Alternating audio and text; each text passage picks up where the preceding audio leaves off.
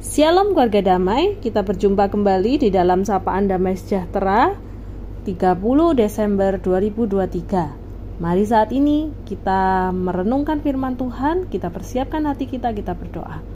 Tuhan Allah Bapa kami, sekali lagi kami rindu Tuhan untuk kami sungguh-sungguh boleh dibekali di dalam firman Tuhan sehingga firman Tuhan boleh menjadi penuntun di dalam kehidupan kami di sepanjang tahun 2023 kami boleh terus mengingat apa yang menjadi keinginan Tuhan untuk kami lakukan di dalam hidup kami.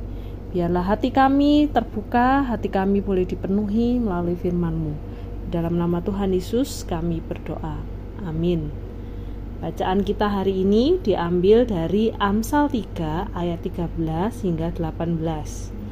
Amsal 3 ayat 13 hingga 18 saya akan membacakannya buat kita sekalian Berbahagialah orang yang mendapat hikmat, orang yang memperoleh kepandaian, karena keuntungannya melebihi keuntungan perak dan hasilnya melebihi emas. Ia lebih berharga daripada permata. Apa pun yang kau inginkan tidak dapat menyamainya. Umur panjang ada di tangan kanannya, di tangan kirinya kekayaan dan kehormatan. Jalannya adalah jalan penuh bahagia, segala jalannya sejahtera semata-mata. Ia menjadi pohon kehidupan bagi orang yang memegangnya. Siapa yang berpegang padanya akan disebut berbahagia. Demikian jauh bacaan kita pada hari ini. Keluarga damai, tema kita hari ini adalah keuntungan orang berhikmat. Di hari Samas kemarin, kita sudah membahas bahwa seharusnya hidup kita berdasarkan oleh hikmat Tuhan. Tetapi ketika kita mendasarkan hidup kita dengan hikmat Tuhan, sebenarnya apa sih fungsinya? Apa sih gunanya? Keluarga damai yang terkasih dalam Tuhan. Untuk menjadi seorang yang baik itu tidak bisa tercipta sendiri. Terkadang untuk menjadi orang baik membutuhkan pedoman baik lewat perilaku hidup seseorang atau bisa juga lewat tuntunan kitab suci. Kitab Amsal sendiri dapat menjadi sebuah pedoman bagaimana seseorang dapat berbuat baik. Kitab Amsal merupakan kumpulan ajaran tentang cara hidup yang baik. Ajaran ini diungkapkan dalam bentuk petua, peribahasa, maupun pepatah. Kebanyakan di antaranya menyangkut persoalan-persoalan yang timbul di dalam kehidupan sehari-hari. Kunci untuk mengerti hidup berhikmat di dalam Amsal, menurut Salomo, ialah orang harus pertama-tama mempunyai rasa hormat dan takut kepada Tuhan. Salomo dengan jelas mengatakan bahwa orang yang berhikmat, dia adalah seseorang yang memperoleh kebahagiaan di dalam hidupnya. Dan kebahagiaan itu melebihi bahagianya orang yang memiliki harta duniawi. Kebahagiaan orang berhikmat meliputi umur panjang, kekayaan, dan juga kehormatan Kebahagiaan orang berhikmat terkait dengan jalan hidup yang benar, jalan hidup yang sesuai dengan kehendak Allah. Mengapa Salomo dapat berkata bahwa orang berhikmat dan pandai itu hidupnya bahagia? Alasannya jelas. Pertama, orang berhikmat itu hidupnya selalu mempercayai Tuhan dengan sepenuh hati. Apa pun persoalan dan tantangan hidup, Tuhan selalu menjadi nomor satu di dalam menyelesaikannya dan bukan pada pengertian dirinya sendiri.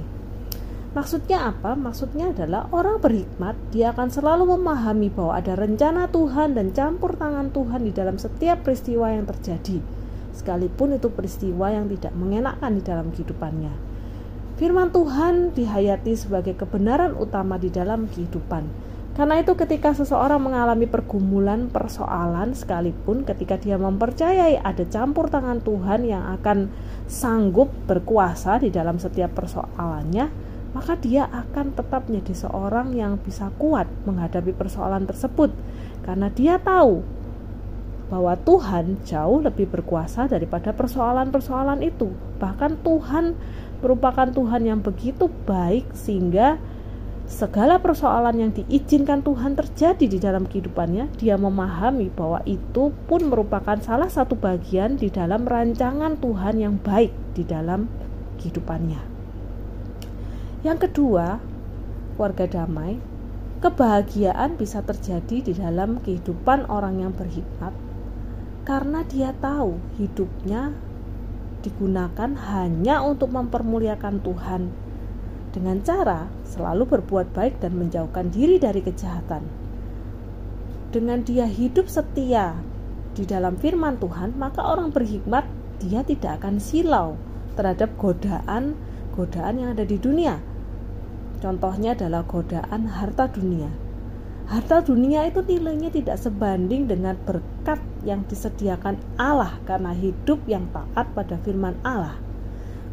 Orang yang berhikmat selalu hidup di dalam rasa syukur, di dalam rendah hati, dan selalu mau diajar oleh firman Tuhan yang memperbaharui hidupnya terus-menerus. Kebahagiaan orang berhikmat memiliki dimensi vertikal dan horizontal. Hidup bahagia dalam iman pada Allah dan berbahagia bersama dengan orang-orang di sekitarnya. Karena itu keluarga damai, orang yang berhikmat dia akan berbahagia karena dia tidak akan ber, terlalu dipusingkan dengan persoalan-persoalan ataupun godaan-godaan yang ada di dunia di mana sukacitanya, di mana rasa syukur hidupnya terus-menerus akan timbul karena kehidupannya berpusat pada Allah, bukan pada hal-hal yang bersifat fana di dunia.